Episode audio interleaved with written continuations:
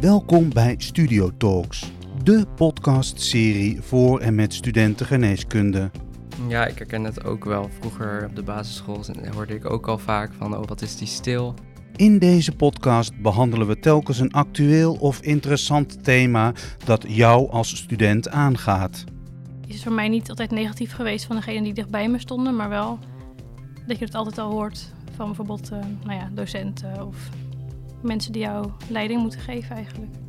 In deze aflevering spreekt Marjolein Pauw met Carolien Koolhof over introversie. Uh, zoals ik het zie, is een introvert iemand die oplaat door even alleen te zijn. Dat wil niet zeggen dat hij of zij uh, niet bij andere mensen wil zijn. Maar als een introvert dat doet, dan doet hij dat liever in een kleiner gezelschap. Carolien begon haar carrière in de journalistiek en werkt op dit moment als coach en trainer op het vlak van introversie. Ook de gast zijn de studenten Laura Rookwas en Raoul Boera.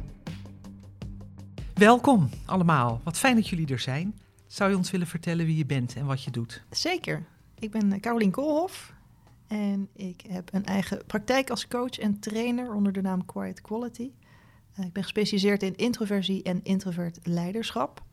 Uh, ten eerste, nou ja, ik ben zelf een introvert, dus ik ben daar een aantal keren tegenaan gelopen, ook in mijn eigen uh, carrière, maar ook privéleven. Uh, heb daar hard aan gewerkt en toen ik dat eigenlijk heb weten om te buigen van iets wat ik ja, zag als iets wat negatief was naar toch een, meer een kracht, uh, heb ik besloten om daar meer mee te doen en dat ook te gaan delen met andere mensen. En dat doe ik dus nu in de vorm van één op één coaching, maar ook workshops bijvoorbeeld over dit onderwerp. je gaat het nu ook delen met ons. Ja, zeker. zeker. Wat fijn. Ja. Fijn dat je er bent. Dankjewel. Welkom. Laura, ook welkom. Dankjewel. In welke fase van de kooschappen ben jij op dit moment? Ik studie mijn vijfde jaar en ik heb net kindergeneeskunde afgerond. En ik ga volgende week met oogheelkunde beginnen. Hoe gaat het tot nu? Ja, wel goed. Ja. ja. En dit onderwerp sprak jou aan. Wij hadden het daar samen al een keer over gehad. En toen ik je ja. vroeg of je mee wilde doen aan de podcast, uh, zei je gelukkig ja. ja. Ja. Welkom. Dankjewel. En ook aan tafel Raoul. Hi. Hi, goed dat je er bent. Mm -hmm. Wil je eens vertellen in welke fase van de opleiding jij bent op dit moment? Yes, ik zit in mijn derde jaar en ik doe nu mijn onderzoeksminor op de afdeling cardiothoracale chirurgie. Heb je het naar je zin? Heel erg. Ja? Ah, fijn om te horen. En mijn naam is Marjolein Pauw. Samen met Renate Dekker en Siska Heuvelman bemensen wij de post van studieadviseur. We zien bachelor- en masterstudenten. Dit is inmiddels onze tiende podcast. En al langer op het wensenlijstje stond uh, de behoefte om het eens te hebben over de introverte student. Dus daar is deze podcast aan gewijd. Het is een onderwerp wat heel vaak terugkomt in de gesprekken met onze studenten. En de insteek van deze podcast is niet hoe lastig is het of kan het zijn om introvert te zijn, maar vooral wat is je kracht als introvert en hoe hou je je staande in deze luide wereld. En dan kijk ik meteen even naar jou, Carolien, want wat is of wie is iemand die introvert is? Wat, wat betekent dat? Um, nou ja, er zijn heel veel definities van, zoveel dat ik uiteindelijk ook mijn eigen definitie heb gemaakt, omdat ik vond dat alles wat er bestond de lading niet helemaal dekte. Uh, zoals ik het zie, is een introvert iemand die oplaat door even alleen te zijn. Dat wil niet zeggen dat hij of zij uh, niet bij andere mensen wil zijn.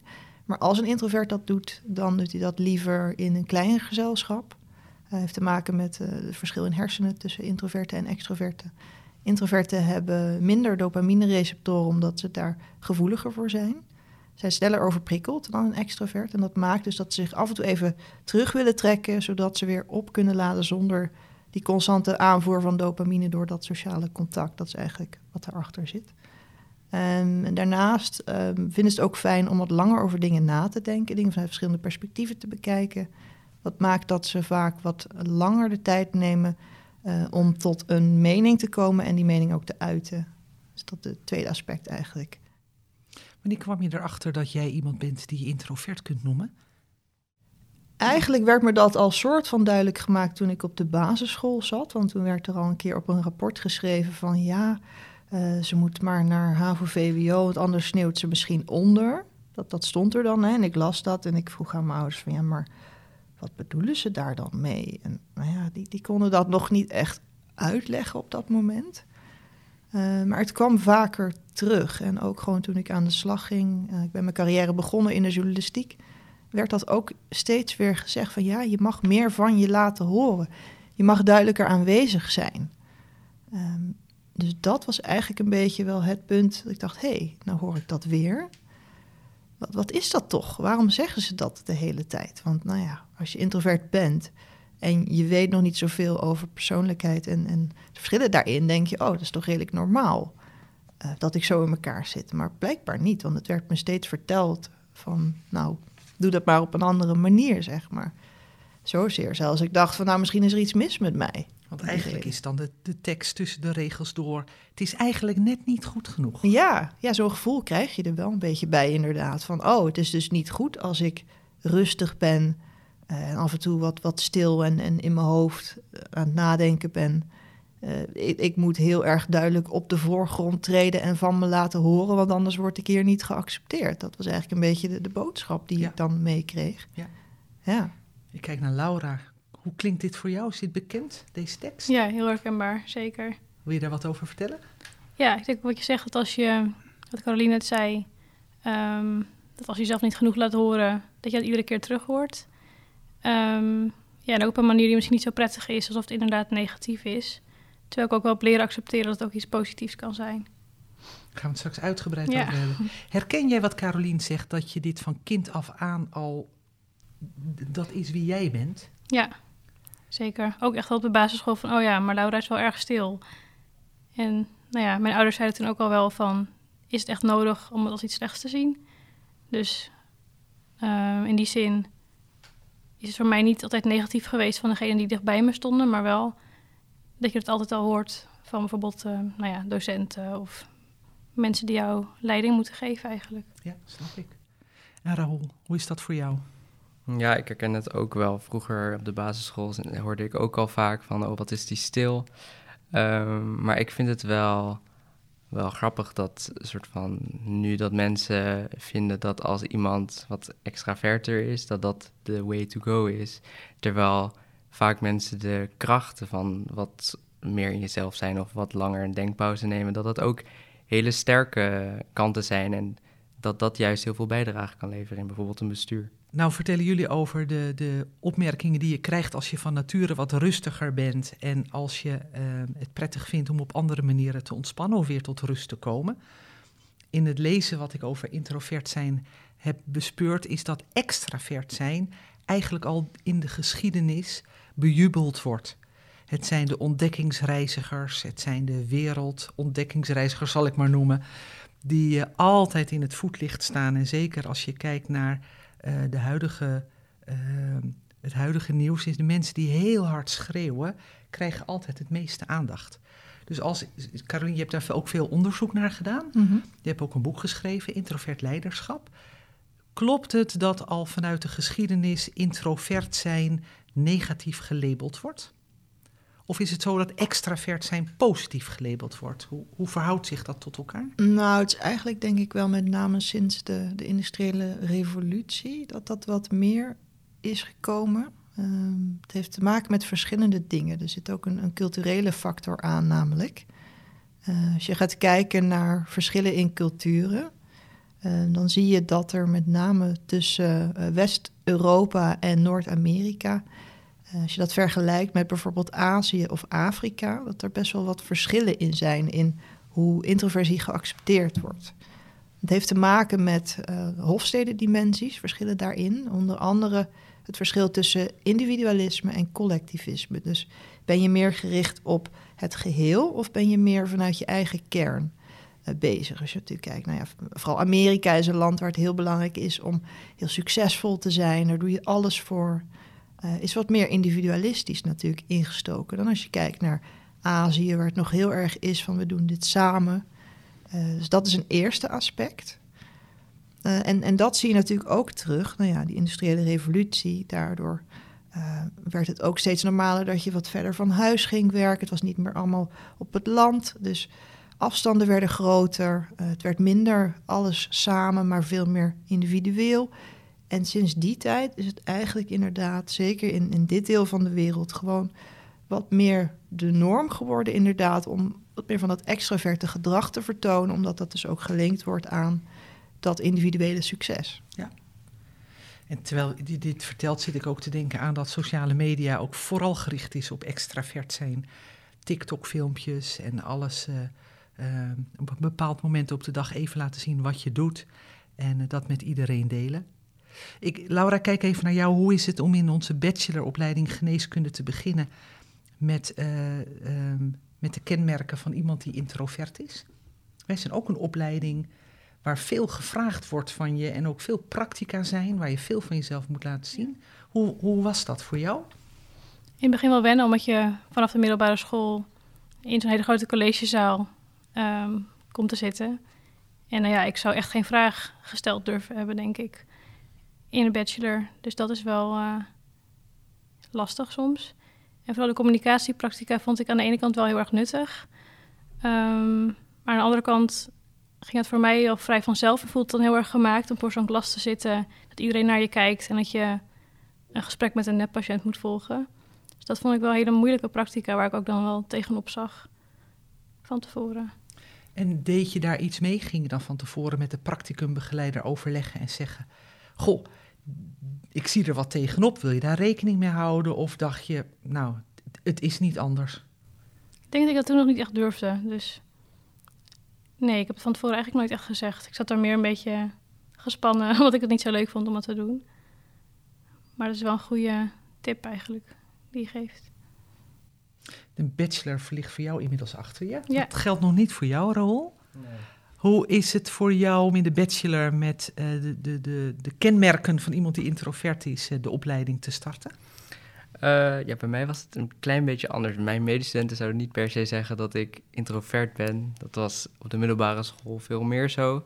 En ik had het gevoel dat ik heel veel kansen heb gemist op de middelbare school. Dus ik dacht, oké, ik start op de universiteit, nieuwe kansen, nieuw me. Dus ik probeerde heel erg um, gewoon die introverte eigen karakteristieken die ik heb, wat te bekijken van oké, maar hoe kan ik dat een beetje fine-tunen? Of hoe kan ik dat op juiste momenten inzetten? Dus ik heb juist, um, toen ik merkte dat heel, heel veel medestudenten het lastig vonden om bijvoorbeeld in een collegezaal uh, te spreken of in een communicatiepracticum van zichzelf te laten horen, probeerde ik dan uh, juist op juist de universiteit ervaring, soort van nieuwe dingen proberen. Om dat een beetje mee te krijgen, probeerde ik juist nieuwe dingen. Dus ik heb geprobeerd om de, ik weet nog de allereerste keer dat ik een vraag stelde midden in de collegezaal. Dat vond ik echt super spannend. Maar uh, ik dacht van oké, dit is mijn eerste keer op de universiteit. Laat ik er gewoon het beste van maken. Laat ik nieuwe dingen proberen. Dus,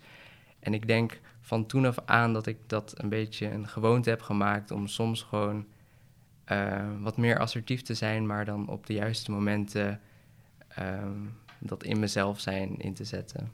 Maar dat, dat, dat klinkt heel bewonderenswaardig. Het klinkt ook alsof je een moment hebt ervaren waarop je dacht: zo wil ik niet zijn.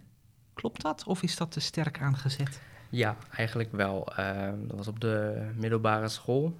Um, omdat ik dus heel weinig van me liet horen, um, heb ik best wel wat kansen gemist wat betreft uh, bestuursfuncties. Of, en dat vond ik heel erg jammer. Uh, want, ik wilde, want ik wilde bepaalde dingen wel heel graag, maar omdat niet, omdat ik me niet liet horen of omdat ik mensen me niet geschikt vonden, dan ja, dat vond ik heel erg jammer. Dus ik wilde daar graag verandering in brengen op de universiteit. En vanuit welk idee wilde je daar verandering in brengen? Wat maakte dat je die wens had? Um, omdat ik gewoon heel veel nieuwe dingen wilde proberen. En bijvoorbeeld een bestuursfunctie. Uh, dat leek me gewoon heel erg leuk en leerzaam. Omdat ik heel erg goed weet waar ik later in mijn carrière wil komen. En omdat ik dacht, als ik dingen zoals bestuursfuncties en nieuwe dingen probeer, die dingen kunnen mij helpen om te komen op de plek waar ik uiteindelijk wil komen. Ja, snap ik. Caroline, kijk even naar jou, want jij hebt onderzoek gedaan naar mensen die introvert zijn. Je hebt mm -hmm. ook een boek geschreven over introvert leiderschap. Je vertelde me in de voorbereiding dat een van onze beroemdste introverten is Barack Obama. Mm -hmm. Zou ik nooit gedacht hebben. Ja. Als je kijkt naar de ervaring die je hebt als coach uh, op dit uh, werk, werkveld, in dit werkveld, wat, is de, wat zijn de vragen van mensen die naar jou toe komen? Waar willen ze op gecoacht worden? Uh, meerdere dingen, maar wat Raoul net vertelde, dat herken ik ook wel. Dat, dat sterke aanpassen. Hè? Dat je denkt van nou, Uh, als ik als introvert niet geaccepteerd word, dan uh, ga ik me maar aanpassen op de een of andere manier. Um, wat maakt, nou ja, dat, dat kun je een tijdje volhouden. Je kunt zeker wel stretchen op die, die as van introvert naar extrovert. Uh, maar dat kost gewoon veel meer energie, want dat is natuurlijk niet je natuurlijke gedrag. Dus op de lange termijn kun je daar op leeglopen. Dus ik heb ook mensen inderdaad die daar op leeglopen zijn. Uh, die merken van, nou, ik ga richting burn-out of ik haal niet meer de voldoening uit mijn werk die ik altijd had. dat is een hele veel voorkomende. Uh, maar ja, er zijn natuurlijk nog, nog veel meer dingen waar ze tegenaan lopen. Het niet gezien worden uh, of het idee hebben van nou, ik zou wel leiding willen geven, maar mensen zien mij niet als, als mogelijke leider. Daar wil ik aan werken dat ze dat wel gaan zien. Dat is ook een belangrijke. Maar ook wel bijvoorbeeld het zoeken naar welke werkplek past nou wel bij mij. want ik ben ergens gaan zitten en ik heb me aangepast, maar ik merk dat het hem niet is. Uh, maar wat dan wel? Eigenlijk dat ze toch die draai al gemaakt hebben van ik weet dat er iets niet klopt, maar waar zit hem dat dan in? Ja. Het spanningsveld tussen dit is wie ik ben mm -hmm. en er zijn ook wensen die ik heb en moet ik mezelf daarin ja. in te veel bochten wringen? Gaan we het zo ook over hebben. Maar kijk nog even naar jou, Laura. Herken je dat gevoel dat je dacht, nu zit het me wel in de weg? Dat ik wat rustiger ben van nature. En heb je een voorbeeld misschien? Ik denk dat de ziekenhuiswereld best wel een extraverte wereld is, durf ik wel te zeggen. En daarin is het soms wel lastig om introvert te zijn. Omdat ik inderdaad het gevoel heb dat ik dan meer moet opladen, omdat je het liefst alleen eventjes wil zijn. Um, dat herken ik wel echt. En soms heb je daar niet echt heel veel ruimte voor in de ziekenhuiswereld zelf. Maar dat probeer ik dan naar buiten om wel te doen. Um, en ik kan me wel inderdaad even aanpassen aan die wereld, maar ik probeer wel um, ja, mezelf te blijven. En ik denk niet dat rustig blijven mij per se belemmert daarin. Maar het is soms wel lastig als je mensen om je heen ziet die dat helemaal niet hebben. Waardoor jij inderdaad een beetje ondergesneeuwd wordt, doordat de meeste mensen wel extravert zijn. We hebben nog iemand uh, leren kennen die daar uh, last van heeft gehad. Dat is uh, Linda Jolink. En Linda is inmiddels afgestudeerd als arts in Utrecht. En ze heeft in februari 2021 als co-assistent een blog geschreven voor Arts in Spe met de titel Co, zeg eens wat meer. Daar gaan we even naar luisteren ja, dat ontstond eigenlijk uit dat het mij opviel dat ik eigenlijk bij bijna elk kooschap dezelfde feedback kreeg van uh, ja, prima co, maar ja, je bent wel een beetje stil en uh, je zegt een beetje weinig. En uh, ja, assertiviteit, dat is dan ook een soort heilige graal voor elke co-assistent die dan elke keer weer, weer, valt. Zij wilde dan weten van wat, hoeveel weet je, wat is je kennis? En dan dacht ik, ja, maar wat moet ik dan zeggen? Moet ik dan lucraak met, met feiten gaan strooien? Van ja, wat u nu doet is een wisselsnede. Dat, dat, leek me ook een beetje raar. En dan zeiden ze, ja, jij moet je vragen stellen. Maar ja, dan dacht ik van ja, maar als jullie willen weten hoeveel ik weet, dan moet je mij toch vragen stellen. Ja. En dan vaak als ik wat vroeg, dan kreeg, kreeg ik ook meestal het antwoord van ja, maar dit kun je ook opzoeken of dat staat in de richtlijn. En toen kwam ik er uiteindelijk achter dat mijn, mijn succesvolle extraverte medecoach, die uh, wat zij dan deden was kennis etalerende vragen stellen. Dus dan vroegen ze van ja, um, ja, wat ik nu hoor is een inspiratoire stridor en dat duidt uh, op, um, op bovenste luchtwegproblematiek. Toch? Dus van die vragen naar de bekende weg. En, maar dat, dat bleek dus de, de way to go. Ja, dat je dus de hele tijd zomaar zelf je kennis moet broadcasten of zo. Want ik merkte ook eigenlijk, huisartsgeneeskunde was eigenlijk het enige uh, kooschap waar ik niet die feedback kreeg van wat ben je toch stil.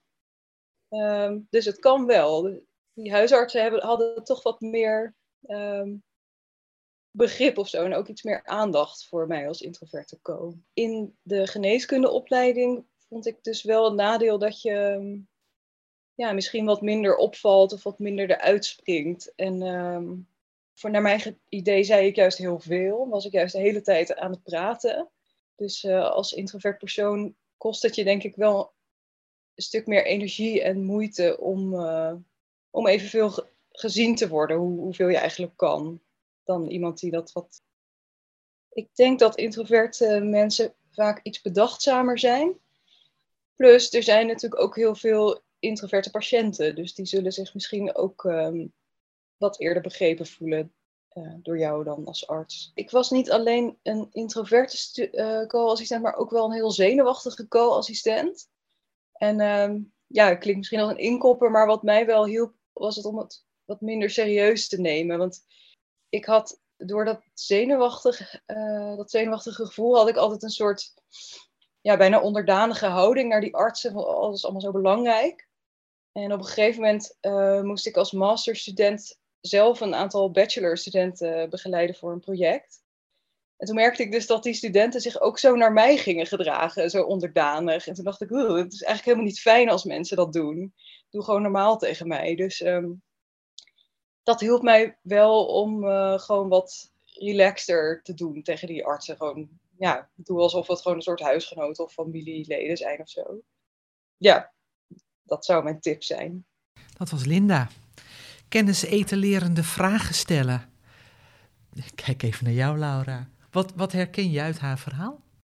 Eigenlijk bijna alles wat ze vertelt wel. Maar ook zeker die kennis etalerende vragen. En dat voelt voor mij in ieder geval, ik denk voor de meeste introverte mensen wel echt ja, heel onnatuurlijk.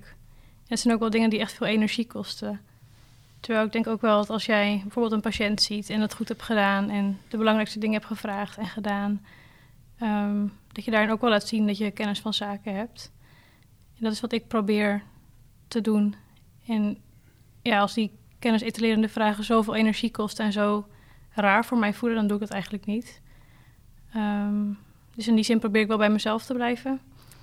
En het gaat eigenlijk wel goed. Alleen soms merk je toch inderdaad wel dat, dat je dan weer te horen krijgt bij elke eindbeoordeling dat je wel weer iets meer mag zeggen of er iets meer mag zijn. Je mag wel iets meer zeggen. Rahul, toen ik ging googlen op jouw naam, kwam ik allemaal blogs tegen. En toen dacht ik, oh, nu hebben we iemand voor de podcast introvert die helemaal niet introvert is. Maar jij bent echt, je hebt echt een verandering doorgemaakt als ik dit zo hoor. Wat heb je daarvoor gedaan? Uh, vooral heel veel uitgeprobeerd. Dus ik heb me inderdaad ook wel schuldig gemaakt aan soms wat kennis, etalerende vragen te stellen.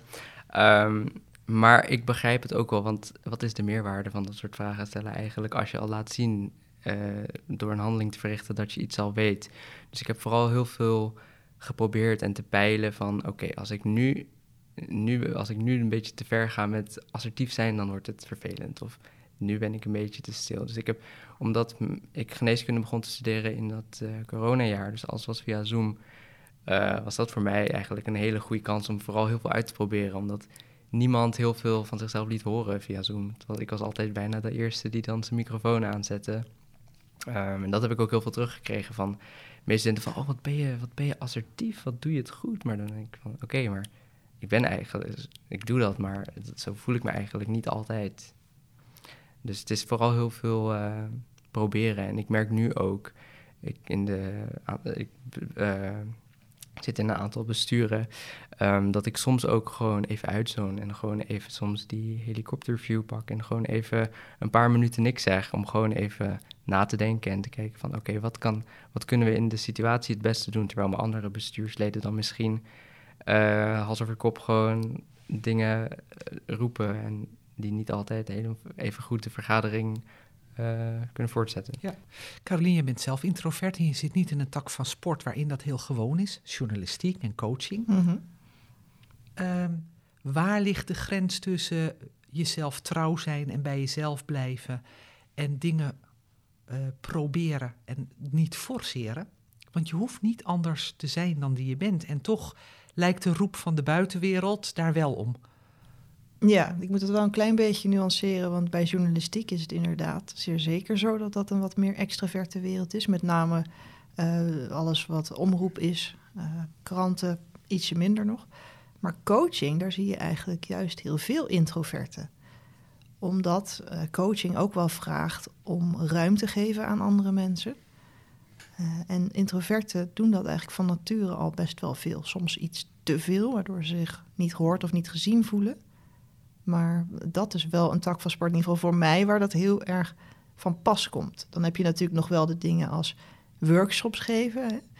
Uh, dat is wel iets wat ik mezelf aan heb moeten leren. Uh, om echt voor een groep te gaan staan, uh, om die ruimte te pakken, ook daar weer. en, en dat ook, ja, op een manier te doen die wel heel erg bij mij past. Want wat ik vaak terugkrijg, van mensen is, oh, en je vertelt het allemaal zo rustig en zo helder. En dus ik doe dat nog steeds wel op mijn introverte manier, maar wel door daar te gaan staan en echt dat podium te pakken. Ja. Kost me wel veel energie hoor, moet ik zeggen. Want Ja. na zo'n dag heb ik echt weer even mijn oplaadtijd nodig. Maar ja, ik vind het toch ook wel weer zo belangrijk om het te doen dat ik dat gewoon wel in wil zetten en, en niet zeg van nee, dat, dat past niet bij me. Nee. En zeg je daarmee, het lukt om jezelf te kunnen blijven en trouw te zijn aan wie je van nature bent? En zonder al te veel ingrepen ook te kunnen voldoen aan wat er ook soms nodig is, Ja. vooral binnen onze opleiding Ja, als geneeskunde. eigenlijk wel, ja. Ik denk dat het belangrijkste is om ten eerste van jezelf te weten wat je nodig hebt.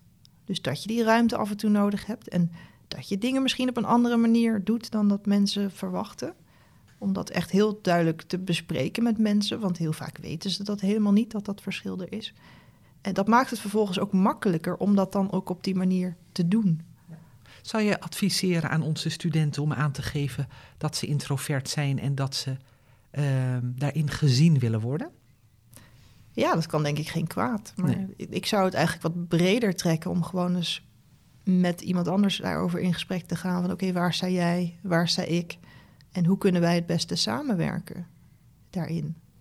Net noemde je al mensen die introvert zijn en dan zeker in de rol van coach zijn er heel goed in om een ander meer ruimte te geven.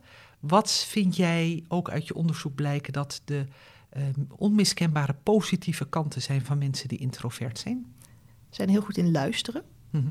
Dus dat is natuurlijk ook weer een vorm van, eh, van ruimte geven. Eh, niet alleen maar luisteren, maar ook echt heel erg er naar kijken van oké, wat kan ik ermee doen? Hoe kan ik iets doen met wat ik nu hoor? Dus dat is er eentje. Ehm, ook nou ja, omdat ze dus niet de hele tijd interactie opzoeken, kunnen ze zich ook heel goed voor ja, een langere tijd focussen op iets. Eh, daardoor zijn ze ook goed in het zogeheten deep work, dus dingen waarvoor je echt eventjes moet gaan zitten. Eh, nou ja, bij medicijnen kan ik me voorstellen, bepaalde diagnose die wat moeilijker is, dat je even in de materie duikt van wat zou het kunnen zijn, hoe zit dat in elkaar, welke mogelijkheden zijn er. Eh, het is iets waar je een introvert heel blij mee maakt, om dat op die manier te doen. Helder.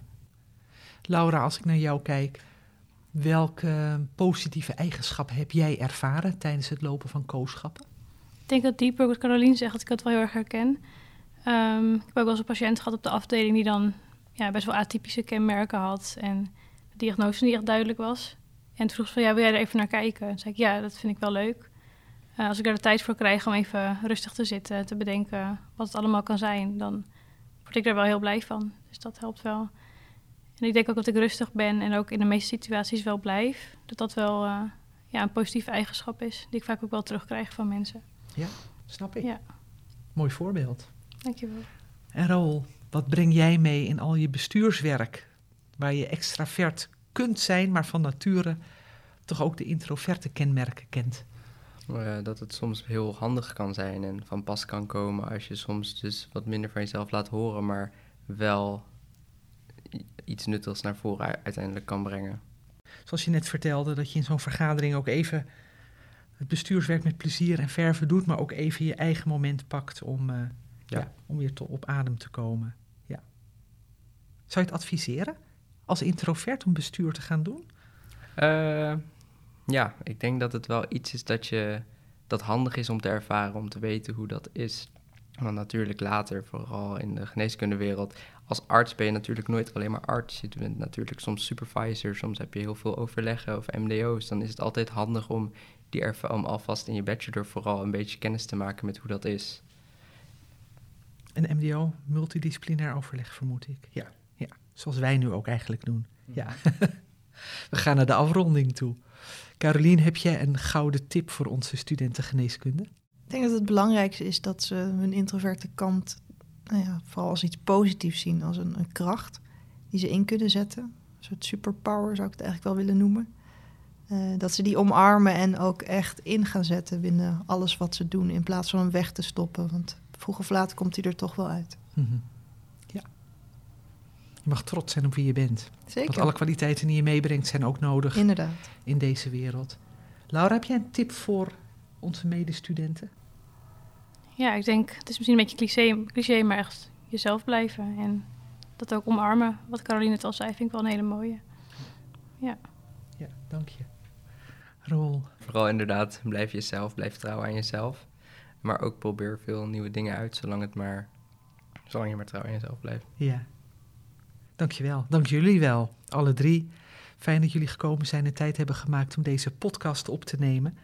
En ik hoop voor iedereen die het introvert zijn herkent, dat hij hier ook met plezier naar luistert en daar uh, ook wat aan heeft in onze opleiding, maar wellicht ook daarbuiten. En blijf natuurlijk altijd nog een praatje voor eigen parochie, dat als het toch meer tegen zit dan dat je wilt, je bij de studieadviseurs ook altijd van harte welkom bent om te overleggen over datgene wat je, wat je tegenkomt in de studie en in het werk. Dank jullie wel. Graag gedaan.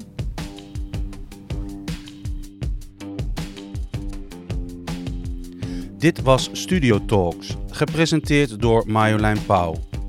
De podcastserie voor en met studenten geneeskunde. Je kunt deze serie op het studentenplatform www.studiovu.nl beluisteren en op het Amsterdam UMC Spotify-account. Heb je vragen, zorgen of tips of wil je als student deelnemen aan deze podcastserie? Schroom dan niet en neem contact op met onze studieadviseurs. Tot de volgende aflevering van Studio Talks.